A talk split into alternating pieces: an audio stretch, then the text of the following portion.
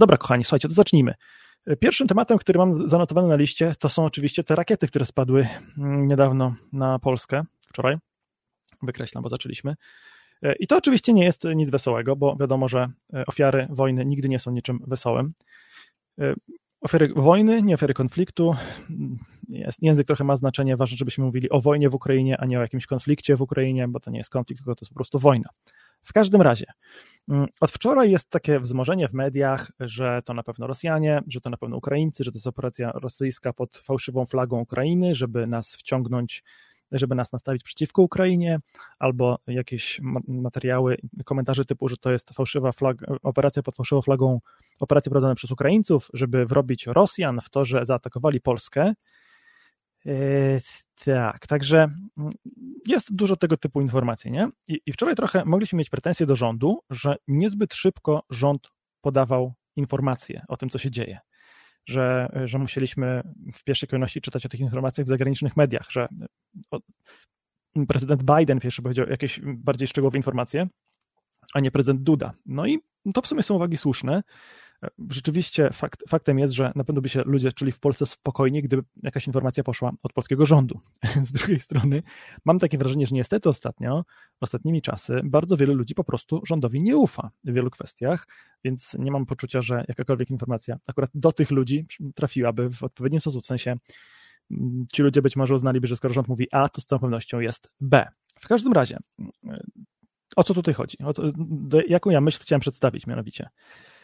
Dobrze jest, żebyśmy się powstrzymali e, z komentarzami, dopóki nie będziemy wiedzieli o co chodzi. Nie? W sensie, dopóki nie zweryfikujemy informacji, dopóki mm, nie będziemy mieli pewne, że informacje, które puszczamy dalej, które puszczamy w świat, są zgodne z prawdą. Bo w tym przypadku w pierwszej kolejności wydawałoby się, że to były rakiety rosyjskie, co było zresztą jakby zupełnie logiczne, no skoro Rosjanie przeprowadzili zmasowany atak rakietami na terytorium Ukrainy i tam nawet pojawiły się takie informacje, że tam jedna współrzędna długość geograficzna tego miejsca, które są trafione, zgadza się z długością geograficzną Lwowa, a szerokość geograficzna z szerokością geograficzną Kijowa, że ktoś się mógł pomylić, mógł się oczywiście pomylić. Z drugiej strony jakby przypisywanie winy Rosji było trochę przedwczesne, nie? I w takich momentach, w których jakieś takie informacje mogą napędzać panikę, ja mogę apelować wyłącznie do Was o to, żebyście Wy po prostu, jako ci ludzie bardziej światli, którzy e, są w stanie pewne rzeczy przejrzeć, pewne spiski przejrzeć, pewne mm, manipulacje rozpoznać i mm, krok po kroku zdemontować, żebyście przynajmniej Wy nie rozpowszechniali niesprawdzonych informacji, nie nakręcali niepotrzebnie paniki i nie, nie pogarszali sytuacji bo jesteśmy jako Europa w stanie wojny z cywilizacją, jeśli można to nazwać w ten sposób, rosyjską.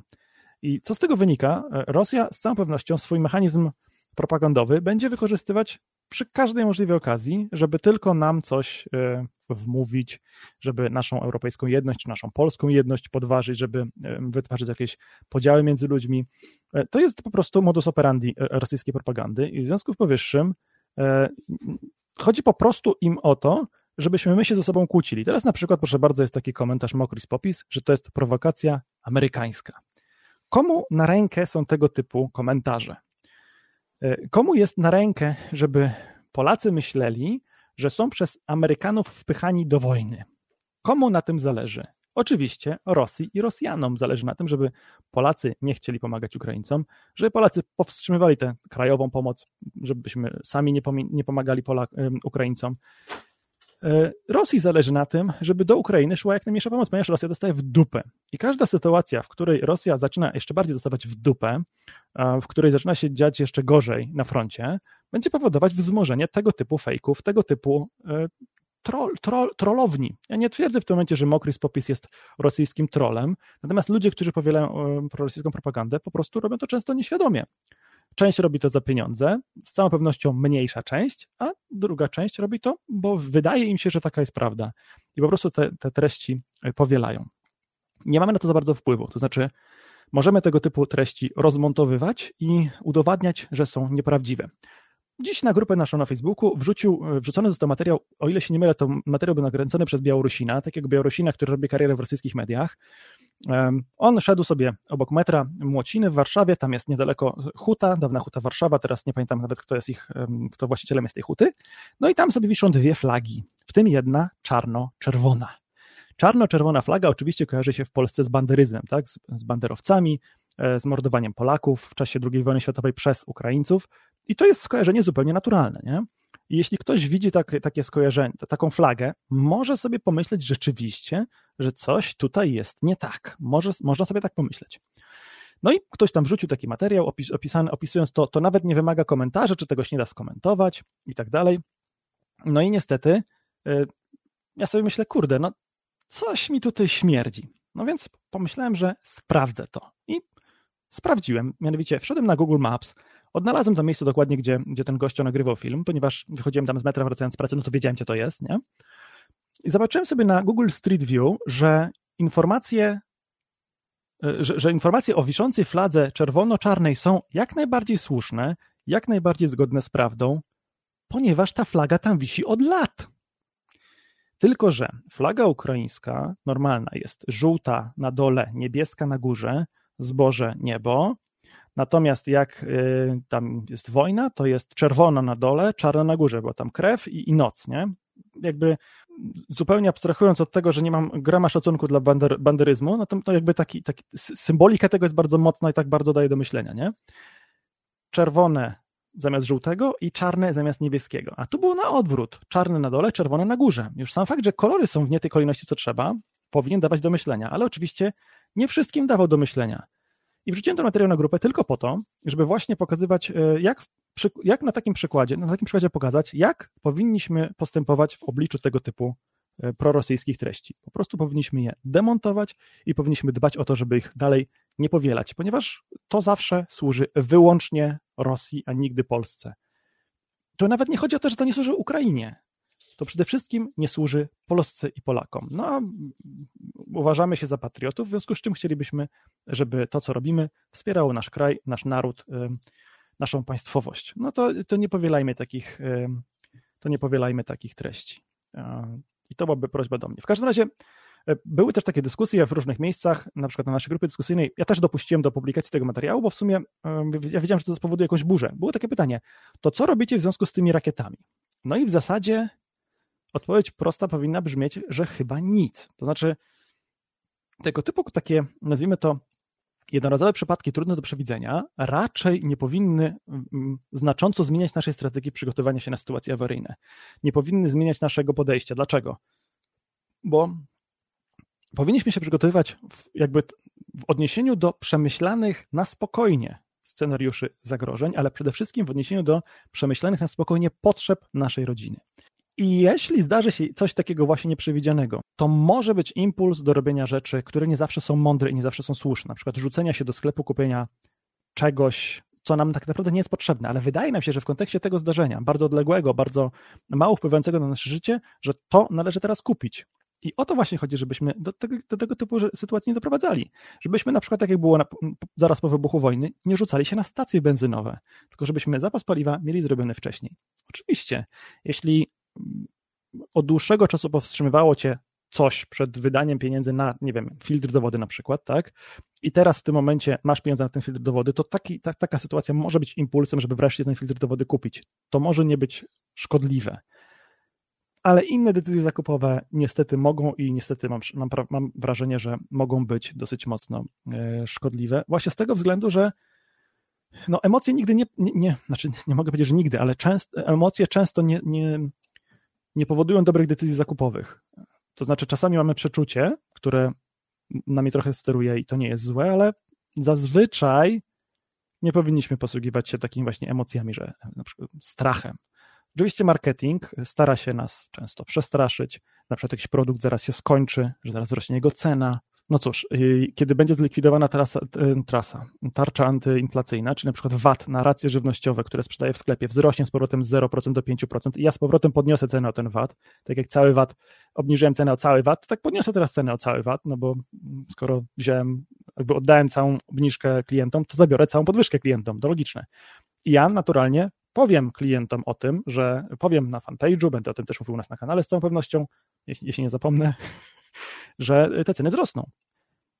Ostrzegę Was przed tym, dając Wam szansę kupienia czegoś taniej. Czy nakręci mi to chwilowo biznes? Z całą pewnością tak.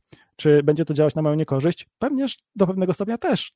tak, bo zostanę z tym towarem i później będą się go sprzedać tym, tym osobom, które mogłyby to kupić, nie wiem, za jakiś czas, to one kupią to teraz, a nie później. Czyli będą jednorazowy strzał, a potem, a lepsze zawsze są, tak mi się przynajmniej wydaje, takie dochody powtarzalne w kolejnych miesiącach. Więc nie jest to idealnie optymalne. Ale kiedy ktoś mówi wam, że jest, y, wisi wojna atomowa na włosku i jest tylko jeden produkt, który może was uratować, i to właśnie ten, który oni sprzedają, że jest kryzys energetyczny i jest jeden produkt, który może was przed nim uratować, przed tym kryzysem uratować i oni właśnie go sprzedają, no to po prostu coś się nie zgadza i trzeba bardzo, bardzo uważać, żeby się po prostu nie dać oszukać. E, tutaj dostałem 10 e, euro od Martina z komentarzem. Finlandia też się wystraszyła tego, co stało się w Polsce. E, w ogóle, Martin, w pierwszej kolejności chciałbym Ci podziękować ogromnie za wsparcie kanału w tej formie. Super czaty i super podziękowania to jest jedna z najlepszych metod, żeby mm, wesprzeć nas tutaj na YouTubie, oprócz oczywiście oglądania naszych filmów z reklamami. No to jest zupełnie logiczne, jakby, bo dopóki nie było wiadomo o co chodzi, to, no, to ludzie mogli myśleć różne rzeczy, no nie? Tylko ja też tam widziałem na, na Twitterze różne jakieś idiotyczne dyskusje, że teraz zresztą nie tylko na Twitterze, to ktoś na, na grupie dyskusyjnej napisał, że teraz musi być jakaś odpowiedź polskiego rządu. Że skoro to jest Ukrainy wina, to musi być jakaś odpowiedź. I ta odpowiedź musi, e, no musi, co, co to będzie odpowiedź? To musi być no, atak odwetowy, to usłyszymy, że jesteśmy prorosyjscy. Ta sytuacja trochę przypomina mi takie, nie wiem, zdarzenie, że jest bójka na ulicy, tłucze się dwóch ludzi, ludzi po twarzach, jeden z nich ewidentnie jest agresorem, jeden z nich ewidentnie tego drugiego okłada, tamten drugi się oczywiście broni, leje się krew, ten słabszy, ten, który się broni, też oddaje i czasami tamtemu też trochę krew leci, czy takiegoś zęba wbije, nie? natomiast ewidentnie widać, kto z nich jest napastnikiem. No i tak się akurat składa, że nie masz możliwości, tylko po prostu musisz przejść obok tego zdarzenia obok i w momencie, w którym przechodzisz obok, no to ten napastnik właśnie wystosowuje takiego, takiego, taki, tak, tak, taki cios, nie? No, prosto w twarz tego, co się broni. I tak widać to w takim slow-mo, jak ta, jak ta pięść idzie w kierunku tej, w kierunku kamery, a w kierunku twarzy i oczu tamtego, co się broni, nie? Tak po prostu widzicie to w takim slow-mo. I ten, co się broni w tym momencie, robi się taki unik. On się tak odsuwa. Ale odsuwa się też robiąc krok do tyłu, czy krok w bok. I no, nie patrzył bo miał oczy skierowane na tę pięść, nie patrzył za siebie, nie wiedział, że właśnie tamtędy ty przechodziłeś, nastąpił ci na stopę. Kto jest winny temu, że ciebie boli, but, boli noga i masz ubrudzony but? Czy to jest wina tego, co się bronił? Powinien się tak bronić, żeby przypadkiem nikogo nie potrącić, na nikogo nie nastąpić, czy to jest wina tego, kto sprowokował tę sytuację i tego, który atakuje? Wydaje mi się, że sytuacja jest bardzo prosta i naprawdę wystarczy mieć dwie szare komórki, żeby wiedzieć, kto w tej sytuacji jest temu wszystkiemu winny. Okazuje się, że jednak nie do końca. I no to nie wiem, czy to dobrze będzie brzmiało, ale to było w sumie do przewidzenia, że taka sytuacja prędzej czy później nastąpi, że jakaś zbłąkana rosyjska rakieta produkcji radzieckiej e, wyląduje na polskim terytorium, albo na terytorium Mołdawii, czy na terytorium Łotwy. No Łotwy to może nie, bo troszkę daleko, nie? Ale gdzieś w pobliżu granicy, z, e, to czekaj, powiedziałem Łotwy, przecież bzdura. Łotwa za daleko od Ukrainy. W każdym razie gdzieś w pobliżu e, walk, tak? Być może te rakiety, które, być może mogło być tak, że wylądują w Polsce rakiety, które były wycelowane w jakiś węzeł energetyczny blisko polskiej granicy. Nie doleciały, dolecia, poleciał za daleko, gdzieś tam coś się posypało i źle wylądowały, nie? Wychodzi na to, że najprawdopodobniej były to po prostu rakiety produkcji owszem rosyjskiej, natomiast, czy radzieckiej, natomiast rakiety wystrzelone przez siły obrony powietrznej Ukrainy, które miały strącić jakąś tam rakietę lecącą, może samolot, raczej rakietę, i po prostu z jakichś względów uległy awarii i wylądowały nie tam, gdzie trzeba, i zamiast się zneutralizować, jeszcze do tego wybuchły. Tak być mogło. I nic dziwnego, że to powoduje e, lęk e, czy, czy strach u innych ludzi, dlatego że, no, wiecie, nie wiadomo, czym to się skończy, tak? Raczej to tylko my jesteśmy w Polsce narażeni na tego typu wypadki. Finlandia raczej nie. Finlandia chociaż granicy, graniczy z Rosją, to e, no, jednak mimo wszystko nie ma za swoją granicą wojny, tak jak ma za swoją granicą tę wojnę Polska. I e, to jest zupełnie normalne, że, że my nie wiemy po prostu do końca, co się stało i nie wiemy, jak zareagować. Między innymi po to są te konsultacje w myśl artykułu 4 e, traktatu dotyczącego NATO, żebyśmy jakieś tam konsultacje mogli zrobić i ustalić, co mamy dalej robić w tym temacie. Bo ma nas za idiotów, jak amerykańska rakieta rozwala cel cywilny, nasze media nie piszą, gdzie została wyprodukowana, a tu ruskie, ruskie, ruskie. Te pacynki wykorzystują to do dezinformacji. Natomiast argumenty, albo u was murzynów biją, to jest, czyli tak zwany whataboutism, to jest jeden z podstawowych argumentów wykorzystywanych przez rosyjską propagandę. Także Mariano Italiano, nie rób tego. Skupiamy się na naszej wojnie, nie na wojnie, nie na wojnie, w której bierze udział USA czy jakiekolwiek inne państwo. Nas interesuje wyłącznie ta wojna, która jest za naszą wschodnią granicą. Yy, tak, przerwa w transmisji. Gdzieś mi się coś rozłączyło z połączeniem rzeczywiście. Yy, lag, może trochę lag. Ciekawe, czy to się nagra chyba. Nie, nie nagra się, bo to się nagrywa w tym systemie, z którym ja jestem teraz połączony. Czekajcie, tutaj yy, włączę coś takiego. W ogóle wymyśliliśmy, że jeśli ktoś ma absolutną, stuprocentową konieczność, że absolutnie musi sprawić, żeby jego komentarz został przeze mnie przeczytany na antenie, to bardzo proszę wysłać ten komentarz w formie super czatu. Ja będę miał wtedy większą motywację, żeby ten komentarz przeczytać. Też będę miał większą pewność, że tego komentarza nie przegapię, bo one tam są wyróżniane innym kolorem na tym okienku, z którego ja korzystam. Oczywiście nie będę czytał komentarzy spamowych oraz komentarzy obraźliwych, czy. O Jezu, przepraszam, mam czkawkę. Czy w inny sposób niezgodnych z polskim prawem, ponieważ no nie, po prostu nie, ale wszelkie inne komentarze będę czytał.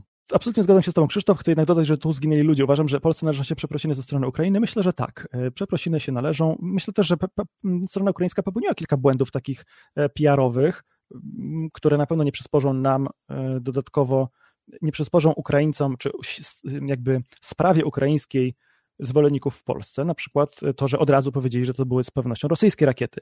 Gdyby od razu powiedzieli, że to było spowodowane atakiem rosyjskich rakiet, to, no, to, to byłaby prawda, nie? jeśli faktem jest, że to były rakiety obrony przeciwlotniczej, no to, to, że to wynikało z ataku rosyjskich rakiet, byłoby prawdą. No ale wiecie, czasami w emocjach właśnie piszą ludzie różne rzeczy i potem trzeba te, te wpisy na Twitterze kasować. Weles wysłał nam 250 zł nie zadając żadnego pytania. Więc y, żałuję, że nie zadałeś pytania, ale dziękuję Ci ogromnie za wsparcie kanału w tej formie. Co to za jakiś wilk? Taki śmieszny. A może to lis? Nie, lis chyba raczej nie w tych barwach. Rząd musi się do tego ustosunkować, przez, że, że rząd musi się do tego ustosunkować, że przez kilka godzin istniała możliwość, że będziemy wciągnięci w konflikt. Na szczęście rząd polski zachował się odpowiedzialnie. Myślę, że rząd polski mógł zrobić parę rzeczy lepiej, na przykład wcześniej podawać te informacje. Natomiast dla nas jest to właśnie kluczowe z tego względu, żebyśmy nie rozpowszechniali informacji niesprawdzonych, nakręcających panikę i tak dalej, bo to nigdy nie służy niczemu dobremu w kraju. Skąd czerpiesz informacje o wojnie na Ukrainie? O wojnie w Ukrainie głównie z Twittera i z informacji medialnych.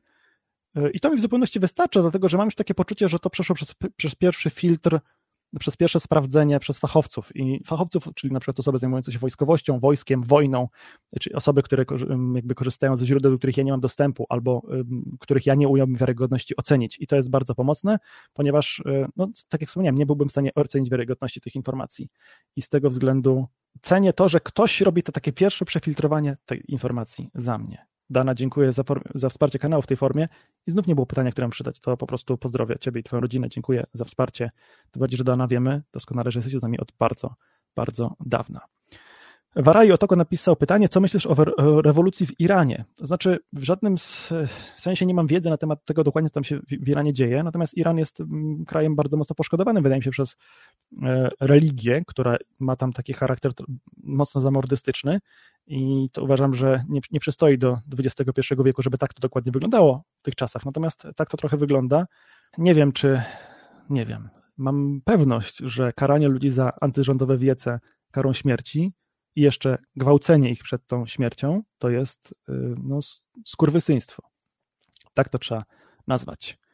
Dagmara napisała, że chciała podziękować za moją pracę na tym kanale. Dzięki Twoim filmom jestem przygotowana i nie ulegam panice. Dagmara, to ja dziękuję za tego typu komentarz i miłe słowa, bo to w zasadzie tego typu komentarze uwielbiamy czytać. W sensie y, to o to nam chodziło, żeby ludzie nie musieli ulegać panice, a nie będziemy ulegać panice, jeśli będziemy choć fundamentalnie przygotowani, chociaż mieli zaspokojone nasze podstawowe potrzeby, nawet jeśli miałoby się zrobić coś złego, stać się coś złego. A propos dezinformacji i innych tego typu rzeczy, wczoraj wrzuciłem taki obrazek na, na Twitter, wróć, na Twitter też, na Twitter, na Facebook, na Instagram, gdzie napisałem, że jest nas 8 miliardów i że mam przekonanie graniczące z pewnością, że w ciągu najbliższych 100, 100 e, lat na, na Ziemi umrze 8 milionów, 8 miliardów osób. I żeby nie pytać skąd to wiem, że jestem prawie pewien, że przeżyje tę sytuację, tę moją, moją przepowiednię jedynie garstka. No i oczywiście to jest stuprocentowa prawda, bo no co mogę powiedzieć? Jeśli jest 8 miliardów ludzi, to te 8 miliardów ludzi nie dożyje roku 2122, ponieważ nikt prawie nie dożywa 100 setnych urodzin, a dziś żyją ludzie, którzy mają po 80, to oni będą mieli za, za 100 lat 180, więc niemal z pewnością 8 miliardów ludzi umrze w ciągu najbliższych 100 lat. I tu nie ma żadnej teorii spiskowej. I chociaż jak ludzie pytali, a skąd wiesz, a skąd wiesz, to odpisywałem, mam zbyt wiele źródeł, żeby móc je tu wszystkie wymienić. No bo podręczników do biologii, z których korzystałem, jest wiele. Artykułów o tym, ile ludzie średnio żyją, jest wiele. To nie sposób ich wszystkich wymienić. Także nie, to, o co mi chodziło w tym eksperymencie społecznym? O to tylko, że nie zawsze informacje w jakiś sposób szokujące są informacjami nowymi, są informacjami, którym należy się jakoś ekscytować, są informacjami, które w jakikolwiek sposób powinny zmieniać nasze podejście do życia. Bo nie. Bardzo często są to informacje zupełnie logiczne. Nie? Jeśli ktoś na przykład mówi, że pisze, że on ma pewność, że umrą wszyscy ludzie, którzy się zaszczepili, to ja też jestem pewny, że umrą wszyscy ludzie, którzy się zaszczepili i wszyscy, którzy się nie zaszczepili, ponieważ wszyscy ludzie, jak pokazała historia, do tej pory umarli. To znaczy oprócz tych, którzy żyją teraz. Ale wszyscy, którzy umarli, wcześniej żyli. Wszyscy, którzy przyjęli szczepionki, umarli. Nie? Wszyscy, którzy przyjęli szczepionki i umarli, umarli po przyjęciu szczepionki. Nie, nie umiera się przed przyjęciem szczepionki. Zazwyczaj, bo wtedy się już nie przyjmuje szczepionki. No i to jest ten filtr, który powinniśmy mieć jako rozsądni ludzie, nie, po, nie ulegający bezsensownej panice. Powinniśmy po prostu pomyśleć, zanim coś zaczniemy robić, powinniśmy pomyśleć. I tutaj Dana pisze, że nie, ma śmiechu, ja nie skumałam zbyt szybko. Ale to nie jest w sumie nic złego. To, to znaczy, to nie jest fortunne, że taka sytuacja miała miejsce, natomiast z całą pewnością e, takie sytuacje będą się zdarzały, bo jesteśmy, słuchajcie, bombardowani tak potworną liczbą informacji codziennie, że nasze mózgi najzwyczajniej w świecie idą na ogromne skróty, czytając te informacje. I kiedyś czytałem, nie pamiętam gdzie, taką, tak, coś takiego, że przeciętny chłop pańszczyźniany, czy tam przed rewolucją przemysłową chłop, w ciągu całego życia przyswajał tyle informacji, ile jest dziś w jednej gazecie codziennej, takiej papierowej, drukowanej. Czyli my więcej mamy informacji w ciągu jednego dnia czasami, niż y, chłop był w stanie przyswoić w ciągu całego swojego życia. Takich informacji, nie wiem, wiedzy jakiejś, nie? Bo tam informacje o tym, y, z kim się puściła sąsiadka i komu psy zagryzły ciele, to pewnie no, mamy podobne ilości my, co kiedyś ludzie żyjący kilkaset lat temu w Polsce czy w innych miejscach. Natomiast mimo wszystko takich informacji, wiecie, o świecie, o, o, o, nie wiem, o polityce, o geografii, o gospodarce, mamy więcej niż kiedykolwiek. I nasze mózgi to naprawdę na ogromne skróty. I ja też czasami staję się ofiarą takiego myślenia bardzo szybkiego, że, że pewne skróty gdzieś tam sobie czynię i ponosimy potem tego konsekwencje. Jedyne, co możemy zrobić, to jest to, że żeby się po prostu zatrzymać, zanim zanim coś zrobimy dalej z tą informacją, zanim puścimy ją w ruch, zanim wyślemy ją komuś bliskiemu, zanim zaczniemy podejmować jakiekolwiek działania w oparciu o taką informację. Bo to, że my sobie ją przyswoimy, przemyślimy i ona nas troszkę wystraszy, to, to już samo w sobie jest złe. Ale to wpływa tylko na nas, czy powiedzmy na naszą bezpośrednią rodzinę, ale puszczenie takiej informacji dalej w obieg robi więcej, um, więcej złych rzeczy, dlatego po prostu trzeba się zastanowić nad tym, zanim się takie rzeczy puści w ruch i to jest zupełnie normalne, tutaj napisał Bzyku, albo napisała Bzyku 2126. Dziś dzieci podczas do, okresu dorastania przyswajają więcej informacji niż my, dorośli teraz. E, takich e, informacji nie widziałem, ale jestem skłonny w to jak najbardziej uwierzyć. Bo, no, no co mogę powiedzieć? Tak po prostu jest. Świat przyspiesza. Tempo życia przyspiesza. W pewnym momencie możemy za tym tempem nie nadążać. Może to właśnie jest ten moment, w którym, w którym my już częściowo zaczynamy nie nadążać. Pytanie. Moja koleżanka ma 11 lat, tak jak ja, chce zostać preperem. Zaczęła kompletować swój placek ewakuacyjny i co dalej? Co może zrobić, gdy nie ma za dużo kasy, a rodzice nie chcą się przygotować? Ja dostaję czasami takie pytania i one są bardzo nieprzyjemne, dlatego że ja po prostu nie mam na takie pytania dobrej odpowiedzi. W sensie, i to nie, nie chodzi tylko o wasz wiek, chodzi przede wszystkim o brak możliwości. O brak możliwości y, finansowych, czasowych, jeśli ktoś jest na przykład osobą z niepełnosprawnością albo ma w rodzinie osobę z niepełnosprawnością, w związku z tym po pierwsze ma większe koszty, po drugie ma mniejsze możliwości zarabiania pieniędzy, bo tej osobie poświęca dużo czasu, po trzecie mam mało czasu i taka osoba zapyta mnie, jak ma sobie radzić w trudnych y, czasach, to ja bardzo często mówię, nie wiem, bo najzwyczajniej w świecie nie jestem w stanie nic sensownego podpowiedzieć komuś, kto ma tak duże ograniczenia. I y, wiek, bycie dzieckiem to jest ogromne ograniczenie, dlatego że po pierwsze mamy mały budżet, nie wiadomo, po drugie, mamy małą decyzyjność w rodzinie, bo to najczęściej jest tak, że rodzice, to, to się nazywa syndrom pudrowanego tyłka. Nie ma takiej oficjalnej nazwy, ja to tak nazywam. Syndrom pudrowanego tyłka polega na tym, Dexterku, że kiedy ktoś tobie kiedyś y, zmieniał pieluchy i pudrował ci tyłek, i czy jest od ciebie znacząco starszy, to ta osoba bardzo będzie miała duży problem, żeby zrozumieć, że ty możesz w zakresie jakiegoś tematu być od, od, od niego od, czy od niej mądrzejszy. Możesz mieć większą wiedzę, czy możesz mieć lepsze pomysły. To jest normalne, nie? W sensie, jak kogoś wychowujesz, to ci się wydaje, że to jest taki, taki, taki młody człowiek, co on wie o życiu. Tymczasem bardzo często o życiu wie więcej niż, niż jego rodzice, bo tak po prostu się ułożyło jego życie. Zatem, to do czego bym Was zachęcał, to jest taki materiał y, na, u nas na kanale. Ja go zaraz odszukam i wkleję go w, w czat. Nie pamiętam, jaki jest tytuł tego materiału, niestety. O, proszę bardzo, materiał ma tytuł Jesteś nastolatkiem, musisz obejrzeć ten film. Wysyłam Ci ten um, link do tego materiału tutaj w czacie, żebyś sobie go obejrzał, żebyście sobie go obejrzeli razem z koleżanką. W dużym skrócie. Po pierwsze, żeby się tym za bardzo nie przejmować, bo dla, tak psychologicznie dobrze jest nie przejmować się rzeczami, na które się nie ma wpływu. Robić swoje, skupiać się na rzeczach, na które macie wpływ, nabywać raczej umiejętności niż rzeczy. Na przykład można się czegoś nauczyć, czy w harcerstwie, czy z kolegami, czy ćwicząc coś, co się zobaczyło, podpatrzyło na YouTubie. Można też zdobyć jakąś wiedzę, na przykład ściągając książkę w PDF-ie, albo robiąc sobie screenshot z jakiegoś, e, nie wiem, filmiku na, na TikToku, który pokazuje jakąś technikę, nie wiem, budowania schronienia, czy coś takiego, nie? Coś, co się może w trudnych czasach przydać. I ten screenshot trzymany w telefonie, do którego będziesz mieć powerbank, i lata, powiedzmy, jak będziecie mieli w domu e, ładowarkę do, samochodowego, do gniazda samochodowego zapalniczki, to już będziesz mógł, będziecie mogli przez bardzo wiele dni skorzystać z tej wiedzy zmagazynowanej w formie obrazka na Twoim telefonie. O, i to jest moja sugestia, a oprócz tego koniecznie obejrzyj ten materiał. Tutaj Damian też ma dobry komentarz. Mm, zainteresuj się jakimś hobby, które spodobają się rodzicom i wpiszą się w Twoją taktykę przetrwania. Harcerstwo, e, strzelectwo, wędkarstwo, łowiectwo, tego typu rzeczy mają sens. Tutaj Tomek napisał też cenny komentarz, że wsparcie do wstąpcie do harcerstwa będą i plecaki, i sprzęt.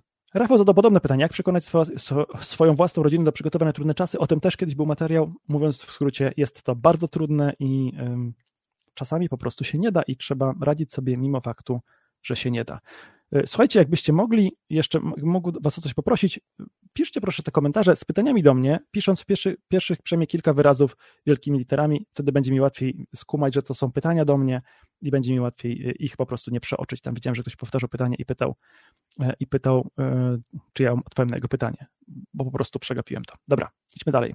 Ile czasu może stać? To jest właśnie idealnie zadane pytanie. Pierwsze kilka słów wielkimi literami, dzięki temu wiem, że to jest pytanie do mnie, a nie, że sobie rozmawiacie między sobą.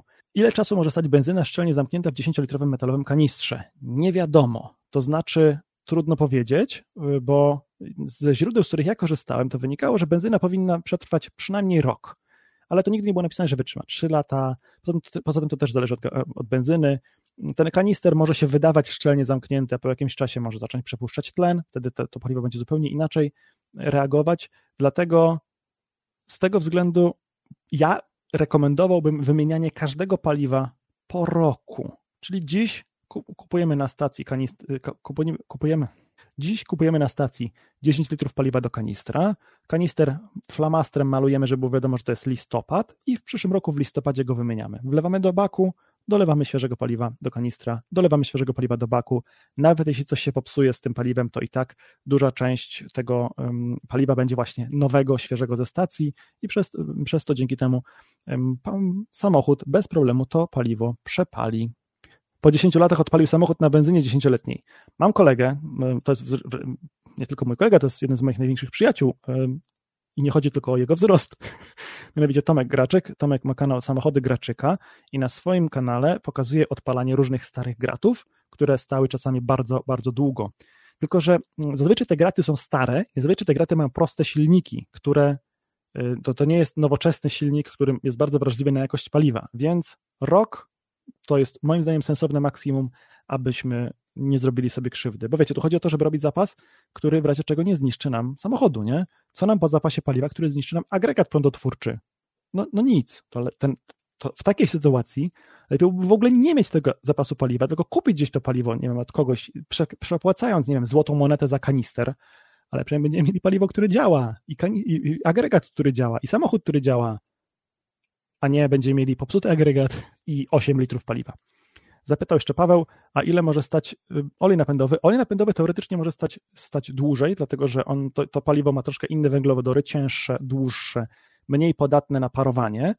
Natomiast y, z kolei, a tutaj właśnie jest cenny komentarz Mariano Italiano, że biokomponenty psują paliwo, y, ponieważ biokomponenty akurat w dieslu to jest tak zwany biodiesel, czyli ester metylowy kwasów tłuszczowych, który z kolei nie jest jakby niewrażliwy na różnego rodzaju takie biologiczne zmiany, na przykład to, że chyba pleśnieje, czy tam jakieś grzyby się w nim rozwijają, więc są stabilizatory, które tam to życie biologiczne zabijają, owszem, natomiast moim, moim zdaniem jak najbardziej jest po pierwsze dobrze robić ten zapas na nie dłużej niż rok i tu jest druga rzecz, o której pisze DCA 1340, o ile sama benzyna może stać dosyć długo, to te biokomponenty potrafią się jakoś odłożyć, zapchać filtr i tak dalej. Mianowicie dobrze jest mieć y, paliwo bez biokomponentów. Jeśli chodzi o olej napędowy, taką formę miewa, zawsze miało, nie wiem czy w dalszym ciągu, czy w tym sezonie też tak będzie, ale zawsze miało paliwo ze Stat Oil, a potem z koncernu Circle K to arktyczne, y, zimowe. Tam był olej napędowy arktyczny, zimowy, bez dodatku biokomponentów i pod tym kątem można było zrobić zimą troszkę większy zapas niż latem. No bo chodzi o to, żeby to paliwo wymieniać regularnie w cyklu rocznym. Cześć, podziemny zbiornik na deszczówkę jako mini schron. Czy to ma sens? Włas ma 40 cm na styk, ale szczupły ktoś się zmieści, pewność około 3000. Zobacz Google grafika, jak Cię ciekawi. Wiesz co, znaczy mm, są nawet produkowane takie dedykowane zbiorniki betonowe, które mają funkcjonować jako ziemianka, czy jako właśnie mm, taki przydomowy schron. Trochę jest to efekt tego, że ludzie po prostu tego typu rzeczy szukają i to nie jest coś, co pozwoli ci przetrwać wojnę atomową, to nie jest coś, co pozwoli ci przetrwać skażenie radioaktywne, jeśli nie będzie wyposażony w odpowiedni sprzęt. To nie jest coś, co powstrzyma wybuch bomby atomowej, falę uderzeniową. Prawie na pewno nie. Natomiast to jest coś, co być może pomoże ci przetrwać, jeśli nie będziesz potem jeździł ciężarówką, być może pozwoli ci przetrwać wichurę, podczas której dach sąsiada zostanie zerwany i będzie leciał w twoją stronę. To być lepiej wtedy, wtedy w takim podziemnym zbiorniku niż gdziekolwiek indziej, Aczkolwiek 40 no, cm włas to moim zdaniem jest naprawdę na styk i już z tego względu bym z tego zrezygnował. Taka jest moja, moja e, recepta, jeśli chodzi o to. Czy jest sens kupić węgiel aktywny w sklepach akwarystycznych celem zrobienia ewentualnych filtrów do wody pitnej? To znaczy, zawsze uważałem, że lepiej jest zrobić, mm, kupić dedykowane filtry do wody, takie, które są nie wiem, mają odpowiednią granulację tego węgla, mają odpowiednią strukturę tego węgla ułożoną w odpowiedni sposób w takiej wymiennej pastylce, wymiennym wkładzie węglowym, niż robić coś własnoręcznie, bo uważam, że to jest lepsze. Natomiast jeśli nie ma możliwości zrobienia czegoś, kupienia czegoś dobrego, to lepiej jest zrobić coś średniego niż nie mieć niczego. Pod tym kątem myślę, że tak byłoby logicznie. Nie, nie sądzisz, że wybuch rakiety da pożywkę przeciwnikom walki z orkami i pomocy Ukrainie? Oczywiście, że tak. To właśnie będą starali się wykorzystać Rosjanie, żebyśmy właśnie z, przestali wspierać Ukrainę i Ukraińców. Ja zacząłem oglądać domowy survival, jak byłem dzieckiem, przygotowując, przygotowywać się miesiąc później i z doświadczenia powiem, że najlepszy sposób na przygotowanie się, będąc osiemnastolatkiem, to rozwój umiejętności. Też z tego względu, że po prostu w tym zakresie mamy najwięcej mm, możliwości, nie? Jest taki, taki mem, że jak jesteśmy dziećmi, to mamy dużo czasu i dużo energii, ale nie mamy pieniędzy. Jak jesteśmy tak, takimi młodymi dorosłymi, to mamy dużo pieniędzy, dużo energii, ale nie mamy czasu. A jak jesteśmy starzy, to mamy dużo czasu, dużo pieniędzy, a nie mamy energii. I z tego względu nic nam się nie udaje przez życie osiągnąć. Faktem jest, że po prostu będąc młodym trzeba korzystać z tego, że mamy czas i na przykład uczyć się różnych rzeczy na własną rękę. To się potem zawsze w życiu przydaje. Znaczy, nie zawsze. Nie można powiedzieć z czystym sumieniem, że każda rzecz się na pewno w życiu przyda. Bo nie. Ale wiele rzeczy się przydaje i nie wiem, języki zwłaszcza. Ja swoim dzieciom to zwłaszcza staram się wytłumaczyć, że tam lekcje w szkole to nie wszystkie są potrzebne, nie? To znaczy, wszystkie lekcje są potrzebne komuś. Biologia jest uczona w podstawówce, jest potrzebna komuś. Fizyka uczona w liceum jest potrzebna komuś. Znaczy, na pewno ktoś z absolwentów tego liceum z tej fizyki skorzysta. Na pewno ktoś z absolwentów tej podstawówki skorzysta z tych lekcji biologii, ale nie jest tak, że każdy absolwent skorzysta z lekcji fizyki, każdy skorzysta z biologii i każdy skorzysta ze wszystkich lekcji fizyki, biologii, historii i tak dalej, bo to jest niemożliwe. Pomijam to, że ten program nauczania jest idiotyczny, ale no nie ma możliwości fizycznej, żeby wszyscy skorzystali ze wszystkiego, ale z języków mogą potencjalnie skorzystać wszyscy. I co ważne, naprawdę dobrze byłoby się uczyć języków, ponieważ tych języków my później w dorosłym życiu płacimy ogromne pieniądze za to, żeby się tych języków uczyć, a moglibyśmy się uczyć ich bezpłatnie w szkole. Ja dziś ja się uczyłem niemieckiego, ucz, zawsze mówię, że uczono mnie niemieckiego przez 8 lat. 4 lata w podstawówce, 4 lata w ogólniaku. I język niemiecki to jest jedyna, jedyny przedmiot, z którego mam na, na świadectwie maturalnym dwóje, ponieważ ostatnia moja ocena z niemieckiego to była dwója, a mam ją dlatego, że pani od niemieckiego powiedziała po pierwszym semestrze, że jeśli, nie, jeśli, jeśli ktoś ma ochotę nie chodzić na drugi semestr na lekcje, to może z tego zrezygnować i dostanie taką ocenę na drugi semestr, jaką miał na pierwszy, czyli będzie miał dwóje na koniec. I ja skorzystając z przywileju niechodzenia na niemieckie, którego nie znosiłem, i mam teraz dwóje. A dwója z niemieckiego nie ma dla mnie żadnego znaczenia, tak wiecie, w ogóle, ale jak pisałem pracę dyplomową, a ja pisałem pracę dyplomową, dwie prace dyplomowe pisałem z produkcji gazu drzewnego i jego wykorzystania, y, to ówcześnie bardzo by mi się przydało i dzisiaj też by mi się bardzo przydała y, możliwość biegłego czytania, umiejętność biegłego czytania po niemiecku. Y, faktem jest, że ja znam trochę gramatykę niemieckiego i rozumiem, że jak jest takie bardzo długie słowo na całą linijkę z wielką literą na początku, to najprawdopodobniej jest to rzeczownik i znam zasadę tworzenia tych rzeczowników, że się po prostu dokłada do nich kolejne części, każda część coś znaczy i umiem to rozpoznać, nie? ja byłem w stanie, siedząc ze słownikiem naukowo-technicznym, przeczytać ze zrozumieniem przynajmniej tabelkę czy wykres z jakiegoś artykułu. Kilkustronicowy artykuł byłbym w stanie ogromnym wysiłkiem przeczytać. Nie przeczytam stustronicowej książki po niemiecku. Znaczy przeczytam, ale to jest kwestia, wiecie, wielu tygodni siedzenia nad tym ze słownikiem. Przypomnę sobie to trochę, ale to, to nie o to chodzi, nie? I bardzo żałuję, że tego niemieckiego się nie nauczyłem. Ja mówiłem, był taki okres w moim życiu, że uczono mnie niemieckiego przez 8 lat, a ja się nie dałem. A teraz widzę, że po prostu byłem idiotą i trzeba się było tego niemieckiego uczyć. Ponieważ, nieważne, że ten, ja nie lubiłem tego niemieckiego, nieważne, że, że uważam, że ten niemiecki mi się nie przyda. Języki akurat się przydają niemal wszystkie każdemu kiedyś. Prepper z lasu napisał, że można samemu zrobić węgiel aktywny. Węgiel aktywny to jest węgiel drzewny, który dodatkowo, może, no, jak mój dziadek, ja muszę zrobić wstęp, rozwinięcie i zakończenie. Wstęp. Na czym polega zasada e, filtrowania czegoś przez węgiel aktywny? Węgiel aktywny ma bardzo dużą powierzchnię porów. To jest taka bardzo porowata substancja i te pory mają ogromną powierzchnię. I e, węgiel aktywny czy aktywowany dokonuje adsorpcji, czyli wiązania różnych rzeczy na powierzchni tych porów. I im większa jest powierzchnia tych porów, tym większa jest zdolność tego węgla aktywnego, aktywowanego do pochłaniania różnych substancji chemicznych z wody. Nie tylko z wody, nie? Zwykły węgiel drzewny, który wytworzymy na przykład w ognisku, czy produkując węgiel drzewny, taki węgiel drzewny kupimy, e, kupiony w sklepie, on ma stosunkowo małą porowatość i ta porowatość się zwiększa, poddając go działaniu wysokich temperatur, poddając go działaniu pary wodnej o wysokiej temperaturze. I można to zrobić w domowym zakresie, ale to musi być para wodna o temperaturze wyższej niż 100 stopni, więc jest to dosyć trudne, dosyć kłopotliwe. Podsumowując, prawie się nie da. To znaczy, nie, nie łudźmy się, że da się zrobić węgiel aktywowany w domowym sposobem, ponieważ się nie da. No dobra, nie da się zrobić tego łatwo. Ostrożnie otwierając rację Seven Oceans, czy można wykorzystać do zagotowania wody tę folię próżniową, chyba aluminiową lub do czegoś innego? Wszelkiego rodzaju opakowania foliowe możesz wykorzystać drugi raz do przechowania różnych rzeczy. Możesz je wykorzystać do zapakowania próżniowego. Nawet torebki po chipsach możesz wykorzystać do zapakowania próżniowego i są one nawet pod pewnymi względami lepsze niż taka zwykła folia, ponieważ one są wielowarstwowe, bo to jest i plastik i właśnie chyba jest też tam aluminium i to pod tym kątem jest fajne. Natomiast yy, ja tak kiedyś pasow... pamiętam, zrobiłem jakąś taką próbną rację suszonych chyba jabłek właśnie zapakowanych w folię po chipsach. tak, tak zrobiłem. Nie pamiętam, co się z tym stało. Pewnie, pewnie gdzieś mi to zginęło przy którejś przeprowadzce, tak samo jak puszki e, z wekami Prepersa. Bardzo żałuję, że tak się stało. W każdym razie e, do gotowania wody możesz użyć tak naprawdę każdej folii, ponieważ e, gotowanie wody jest możliwe w papierowej torebce, w foliowej torebce, tylko no, poddawanie folii działaniu wysokiej temperatury w tej części, która ma kontakt z czymś, co potem połykasz, no bo nie na zgrzewie tej torebki foliowej, nie? To nigdy nie jest dobre i dlatego nie polecam, mocno, mocno nie polecam 2 na 10. Czy przygotowujesz żywność na zapas w stylu Adolfa Kudlińskiego, czy wyłącznie kupujesz? Gdzieś to ostat... pytanie ostatnio padło. Na przykład ostatnio wrzuciłem na Instagram zdjęcie, jak byliśmy na działce, y, byliśmy na działce, potem pojechaliśmy sobie do lasu na wycieczce. Y, na wycieczce znaleźliśmy aronię, zebraliśmy te aronie i teraz mam jeden słoik aronii. Ja nie zrobiłem tego słoika, ponieważ ja jeszcze nie jestem w tym wieku, że mi się chce. Kiedyś mi się chciało, teraz już mi się nie chce, więc niestety, no nie, za rzadko. Kiedyś robiłem tego więcej. Głównie z tego względu, że po prostu nie mam na to za bardzo czasu i, i tyle. To jest jedyny powód. Jest wiele korzyści wynikających z robienia zapasu żywności samodzielnie, bo przecież można najzwyczajniej w świecie e, zapewnić stuprocentowo lepszą, znaczy zapewnić lepszą jakość. Mamy pewność co do tych przetworów wkładamy, zwłaszcza jeśli są to rzeczy z naszego własnego ogródka, nie? a nie kupione w sklepie. Z własnego ogródka, niepryskane, nie nawożone jakąś chemią, tylko nawożone samymi zdrowymi rzeczami, na przykład e, humusem, biohumusem. Nie? Także pod tym kątem jest to lepsze. Czasami też da się zrobić te rzeczy taniej.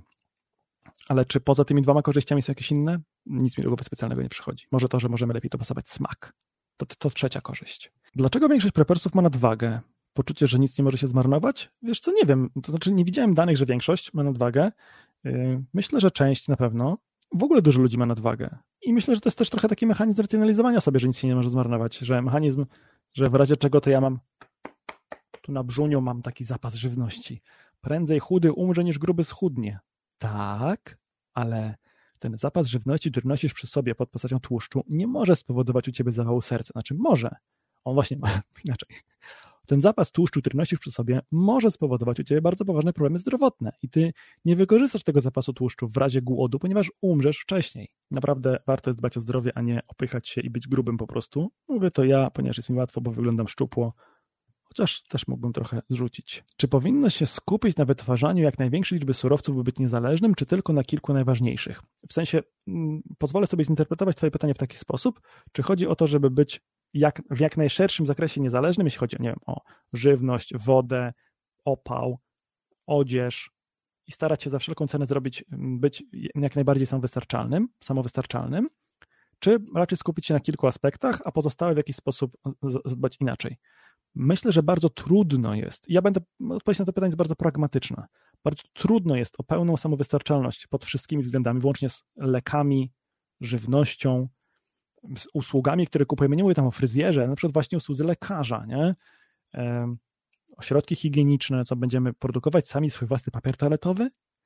Możemy produkować swoją odzież, hodując len, uprawiając len, ale możemy produkować coś łatwiejszego, i wymienić to na odzież, czy nie, może nie na len, który być może nie będzie nigdzie u ciebie w okolicy produkowany, ale na przykład na wełnę, nie?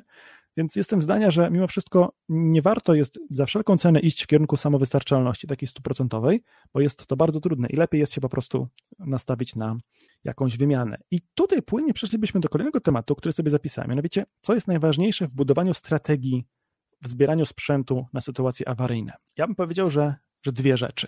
Po pierwsze, świadomość tego, że my się przygotowujemy raczej na, na, na, przeżycie okresu przejściowego.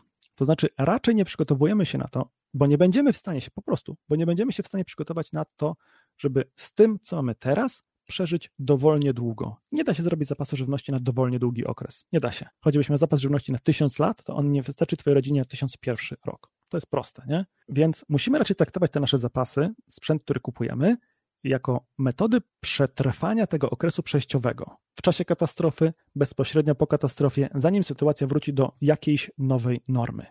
Czyli do, do sytuacji, gdzie na przykład zacznie być dostępna żywność, może nie cała, ale częściowo, leki, może nie wszystkie, ale chociaż ziołowe, jakieś usługi, może energia elektryczna, może paliwa, może coś zamiast paliw. Nie? Może na przykład będą konie. Wtedy tylko trzeba będzie kupić tego konia za coś, co sobie zrobimy zapas tego teraz, i może trzeba będzie tylko mieć paliwo do tego konia, czy umieć to paliwo, mieć jak to paliwo wytworzyć. Więc musimy się do, do, do sytuacji awaryjnych przygotowywać właśnie cały czas myśląc o tym, że my po prostu przygotowujemy się na ten okres przejściowy, żeby ten okres przejściowy przetrwać możliwie bez kosztów, bez strat i potem móc się u, u, mm, od nowa ułożyć sobie życie w tej nowej, pokryzysowej rzeczywistości. To wydaje mi się być takim jedynym rozsądnym podejściem. I naprawdę warto jest się dos- bardzo szybko pozbyć takich mrzonek, że ja przetrwam dowolnie długi czas w oparciu o te zapasy, które robię, bo nie. Po prostu nie, nie da się tak. Mogę natomiast się przygotować, żeby te zapasy pomogły mi w okresie przejściowym, może coś za nie kupię, może coś wreszcie, może coś zbuduję albo wymyślę w międzyczasie, na przykład rozpocznę produkcję własnej żywności z nasion, które gdzieś pozyskam. Przesadzę kilka roślin dzikich do swojego ogródka i będę je miał, a zanim to nastąpi, będę żył z zapasów. Nie? Tego typu rzeczy. Więc przygotowujmy się raczej, żeby przetrwać okres przejściowy. A druga rzecz jest taka, żebyśmy, która jest również ważna w budowie strategii na sytuacje awaryjne, w zbieraniu sprzętu, bardzo ważne jest to, żeby ten sprzęt zdobywać, kupować, wymieniać, pożyczać, yy, znajdować, następnie testować i później w oparciu o te testy zdecydować, czy je zostawiamy, czy się ich pozbywamy. W sensie Gadżety nie są złe, jeśli po pierwsze jest sens kupić taki gadżet, a nie jest tylko, nie jest to kolejny 15 czy 15 nóż. Nie, no, bądźmy szczerzy, nikt nie potrzebuje 15 noży. To znaczy, nie chcę nikomu mówić, że potrzebuje jedynie 13, ale jeśli masz 13 noży, masz 15 noży i chcesz koniecznie kupić 16, ponieważ czujesz, że on jest ci niezbędny, to raczej nie. Raczej się po prostu okłamujesz. Mm, więc nie chodzi o to, żeby kupować tych gadżetów w nieskończoność, bo każdy z nas ma skończony budżet. Chodzi o to, żeby kupować rzeczy najbardziej efektywne kosztowo. Jeśli coś się po prostu nie sprawdza, to się tego pozbyć. Ale żeby móc powiedzieć, czy coś się sprawdza, czy się nie sprawdza, to trzeba to najpierw w jakiś sposób w praktyce przetestować. I dlatego też ostatnio nagraliśmy taki materiał o tym, jak testować nasze przygotowania na sytuacje awaryjne. I tam była mowa na przykład o wyjeździe na wakacje pod namiot. Jeśli kupujemy sprzęt, który ma nam w razie czego pomóc w czasie ewakuacji do zanocowania na świeżym powietrzu, to go testujmy. Żebyśmy się nie budzili z ręką w nocniku z rzeczami, które ktoś, jakiś youtuber powiedział w internecie, że one są najlepsze, one zaspokoją wasze potrzeby, one wam uratują życie. Kiedy ktoś wam mówi, że to właśnie ten produkt musisz kupić, żeby uratować życie, to prawdopodobnie tak nie jest. Zabawnie, ja pod swoim adresem przeczytałem taki zarzut, że to ja mówię, znaczy to nie było napisane wprost, ale to do, do mnie, domniemywam, że to właśnie o to chodziło, że filozofia domowego survivalu to jest kup, przetrwasz na pewno. Nie, kup, może będzie ci łatwiej przetrwać z tym sprzętem, który kupisz. Zrób sobie coś, może będzie ci łatwiej ci z tym przetrwać. Ale nie ma gwarancji takiej nigdy, ani, że jak kupisz, to przeżyjesz, ani że jak coś zbudujesz, czy jak się czegoś nauczysz, to przeżyjesz, bo kto by dawał wam taką gwarancję, jest po prostu kłamcą, moim zdaniem. I tyle. Co warto zacząć robić dziś, by małymi krokami przygotować się na zlikwidowanie gotówki oraz wprowadzenie waluty cyfrowej hipotetycznie z określoną datą przydatności? Pomijmy kruszce. Dlaczego pomijamy kruszce? E, dlaczego pomijamy kruszce? To znaczy, mm, ja w ogóle nie jestem zwolennikiem teorii spiskowych, że czeka nas e, nowy porządek świata i tak dalej, ale jeśli ktoś się tego obawia, jeśli ktoś się obawia, że system go zrobi na szaro, to musi w tym momencie, w tej chwili właśnie jak rozmawiamy, starać się po prostu jak najbardziej starać się po prostu jak najbardziej od tego systemu uciec, jak naj, funkcjonować gdzieś tam na obrzeżu tego systemu, a nie podlegać mu w 100%. I co to dokładnie może być, to będzie zależało bardzo od konkretnych sytuacji każdego z nas, nie? Może to dotyczyć, może to dotyczyć na przykład zarabiania pieniędzy na boku, albo zarabiania na boku i otrzymywania płatności nie pieniędzmi, tylko nie wiem, węglem, drewnem opałowym, płodami rolnymi, nie wiem, konserwami, usługami, na przykład pracuję na rzecz kogoś, a w zamian za to ten ktoś jest korepetytorem mojego dziecka. Dzięki temu ani ja nie potrzebuję gotówki, żeby zapłacić za korepetycję, ani ta osoba nie potrzebuje gotówki, żeby zapłacić mi za, nie wiem, tam malowanie mieszkania, czy, czy plewienie w ogródku, tego typu rzeczy. No ale to tutaj trudno mówić o konkretach, natomiast starałbym się po prostu funkcjonować gdzieś tam na marginesie tego systemu. Na Ukrainie 7 milionów ludzi bez prądu. Na ile prawdopodobne według Ciebie, że nasza energetyka dostanie rykoszetem albo też ucierpi i będą przerwy w dostawie prądu? Ja zawsze mówiłem, że przerwy w dostawie prądu będą z całą pewnością. To jest tylko kwestia kiedy i na jak długim, dużym obszarze i na jak długi czas. Z całą pewnością przerwy w dostawie prądu będą. Jeśli zależysz od y, dostaw prądu, Twoje życie zależy od dostaw prądu, życie Twojej babci, która wymaga koncentratora tlenu, żeby przeżyć, zależy od prądu, musisz mieć jakąś metodę na to, żeby, z tego, żeby bez tego prądu babcie, babci życie podtrzymać. To jest, uważam, niezbędne. Czy planujesz następną książkę? Masz trochę na tacy podane przyszłe teoretyczne zagrożenia. Mówię o konflikcie z Rosją. Znaczy o wojnie to ja nie będę pisał, bo na tym się nie znam, Natomiast e, z całą pewnością będziemy chcieli wydać drugie wydanie naszej książki, czyli takie wydanie poszerzone i rozbudowane, uaktualizowane. Z całą pewnością będziemy chcieli to robić. Czy rozwijasz swoje umiejętności strzeleckie, na przykład IPSC, szkolenia z obrony koniecznej? Na, takich, na takim jednym szkoleniu kiedyś z takiego taktycznego użycia pistoletu byłem i to była nawet materiał o tym na kanale, ponieważ to był taki element komercyjnej współpracy, w sensie dostaliśmy zaproszenie na takie szkolenie w zamian za to, żeby coś tam nagrać i o, o nim opowiedzieć, więc to było. W tym roku chyba latem byłem na takim szkoleniu było, nie pamiętam, czy czerwiec, czy sierpień mi się te miesiące letnie tak zlewają w jeden po prostu blok ciepło. Byłem na takim szkoleniu z karabinka AK e, całodniowym, kilkugodzinnym, bardzo fajne szkolenie. Lubię takie szkolenia, lubię takie e, eventy, więc staram się, jak tylko mam czas i pieniądze, to staram się na to chodzić. Węgiel, gaz, drewno, prąd z odnawialnych źródeł, które ciepło optymalne dla prepersa z domku jednorodzinnego. E, każde, to znaczy są zalety korzystania z węgla, jego na przykład wysoka gęstość energetyczna, że mały zapas węgla, znaczy zapas tony węgla jest lepszy niż zapas tony drewna. Drewno i kominek ma też ogromne zalety. Gaz jest super, ponieważ jest bardzo wygodny, bezobsługowy i pozwala korzystać, jak jesteś chory, nie szuflować węgla, czy nie szuflować, nie szuflować drewna. Jak będziesz mieć 80 lat i będziesz czasami chorować, to na pewno to docenisz. Ale też mm, prąd, który wytwarzasz w sezonie letnim z własnej instalacji fotowoltaicznej, a zimą korzystasz z niego za darmo, to też było dobre i pompa ciepła, albo nawet zwykłe elektryczne grzejniki do tego jak najbardziej miały, były fajnym pomysłem.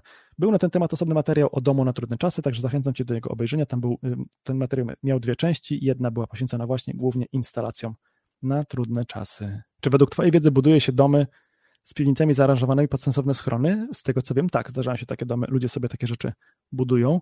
Sam, gdybym teraz budował dom jednorodzinny, to bym pewnie tak e, e, pod tym kątem myślał. I tu płynnie przejdziemy do takiego komentarza, którego ja wynotowałem sobie, ale go przeczytam, bo mam go gdzieś tu na wierzchu e, na YouTubie.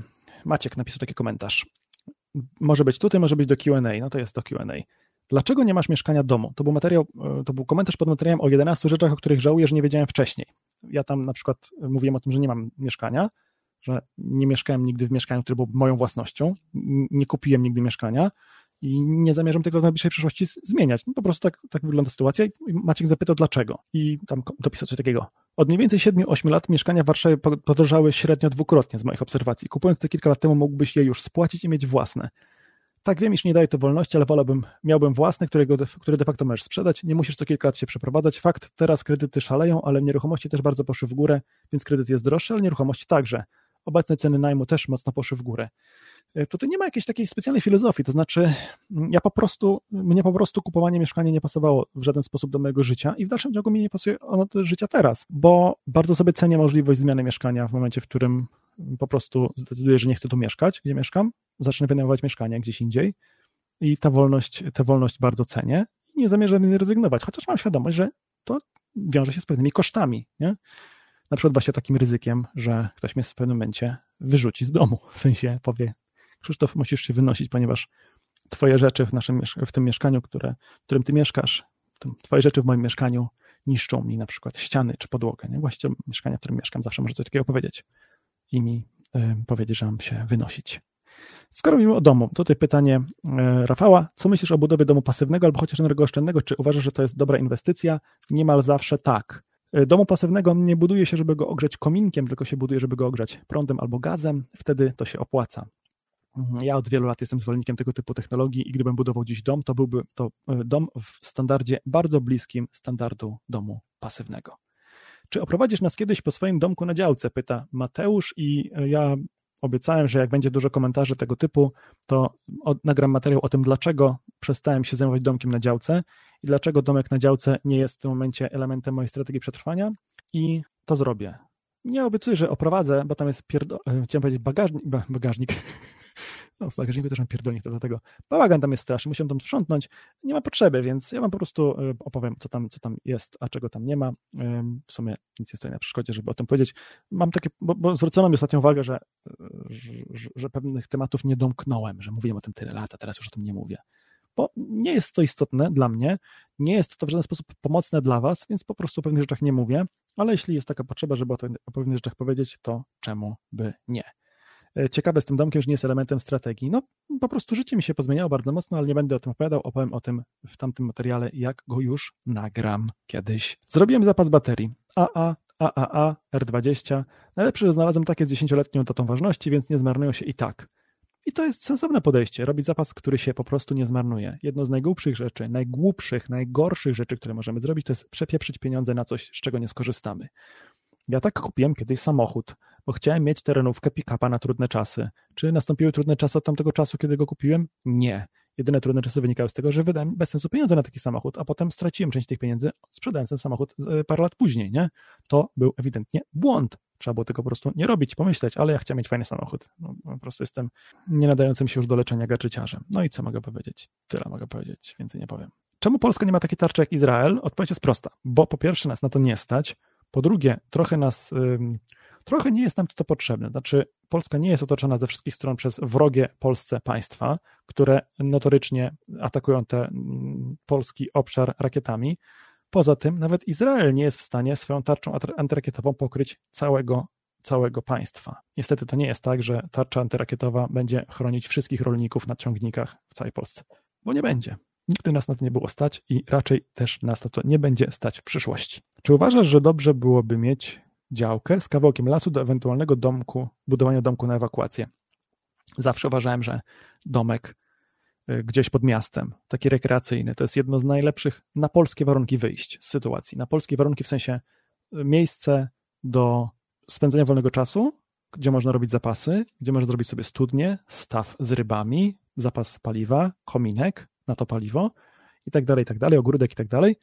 I to jest miejsce, gdzie w razie czego, dokąd w razie czego można się przenieść z miasta. Uważam, że to jest super podejście, dalej tak uważam. W naszych warunkach jest to jedno z najlepszych wyjść. Filtry do kawy papierowe. Czy warto je mieć w zestawie ewakuacyjnym, czy ręcznik papierowy lub szmatka je zastąpi i to nie ma sensu? Nie widzę zastosowania dla takich filtrów w zestawie ewakuacyjnym.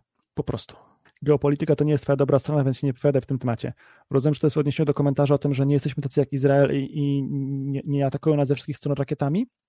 Okay. Podyskutowałbym, jeśli byłbyś gotowy do takiej dyskusji merytorycznie, także zapraszam.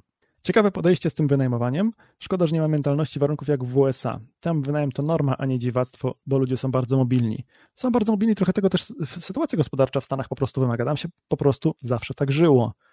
Czy to jest lepsze? Nie wiem. Pod wieloma względami tak, ale mam mieszane uczucia. Ja zawsze po prostu chciałem mieszkać w domu pod miastem. To po co mi mieszkanie w mieście, skoro chciałem mieszkać w domu pod miastem, nie? Logiczne. Czy ty utrzymujesz kontakt z ludźmi, z którymi nagrywaliście serial Prepersi? Tam zajmowałeś się ewakuacją.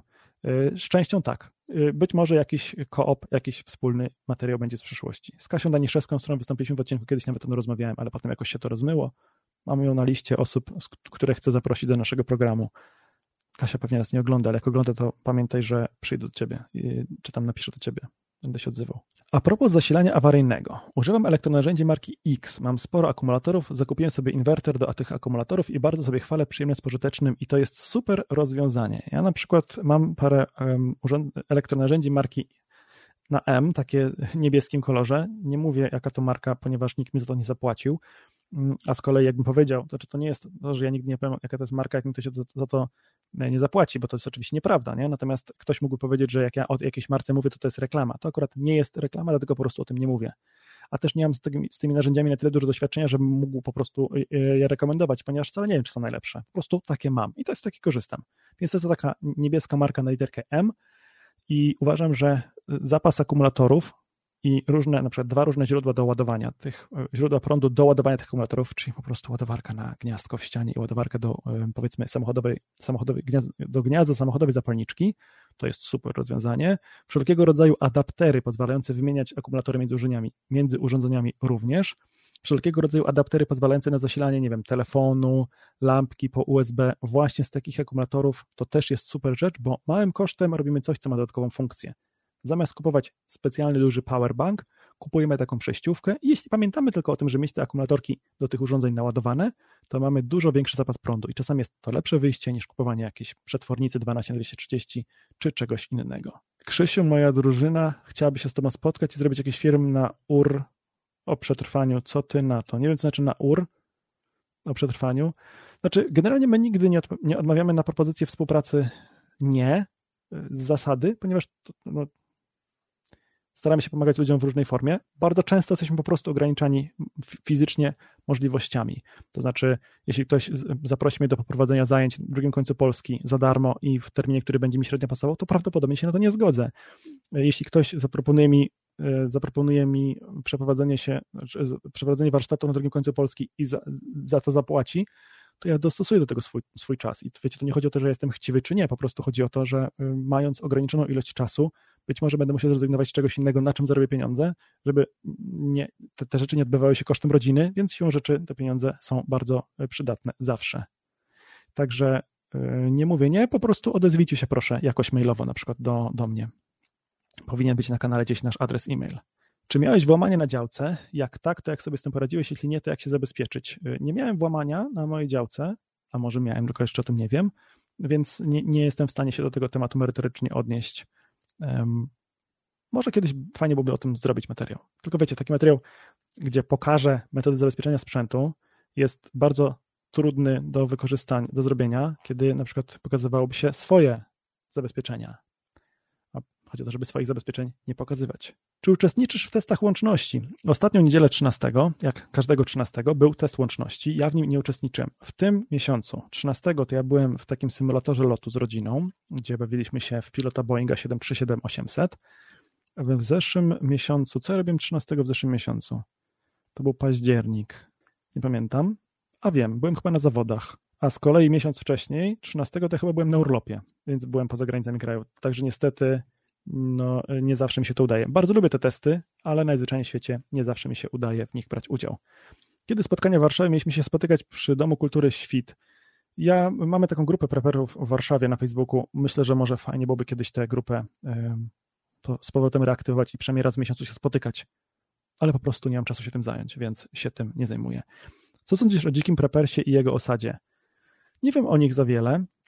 Mm, nie pasował mi termin, żeby być na zlocie w tym roku. więc y, pod tym kątem po prostu bardzo szybko okazało się, że nie będę w stanie w nim uczestniczyć. Nawet y, nie miałem czasu się zastanowić, czy będę chciał w nim uczestniczyć, po prostu okazało się, że nie będę w stanie w nim uczestniczyć.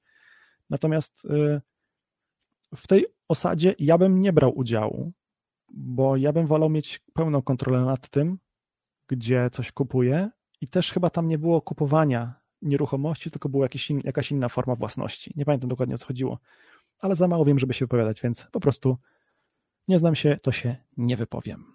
Czy przetwornica do samochodu osobowego ma sens w kontekście zasilania pompki do ogrzewania domu 600 W? Zakładam, że chodzi o 600 W przetwornicę, bo pompka to na pewno potrzebuje mniej mocy niż 600 W.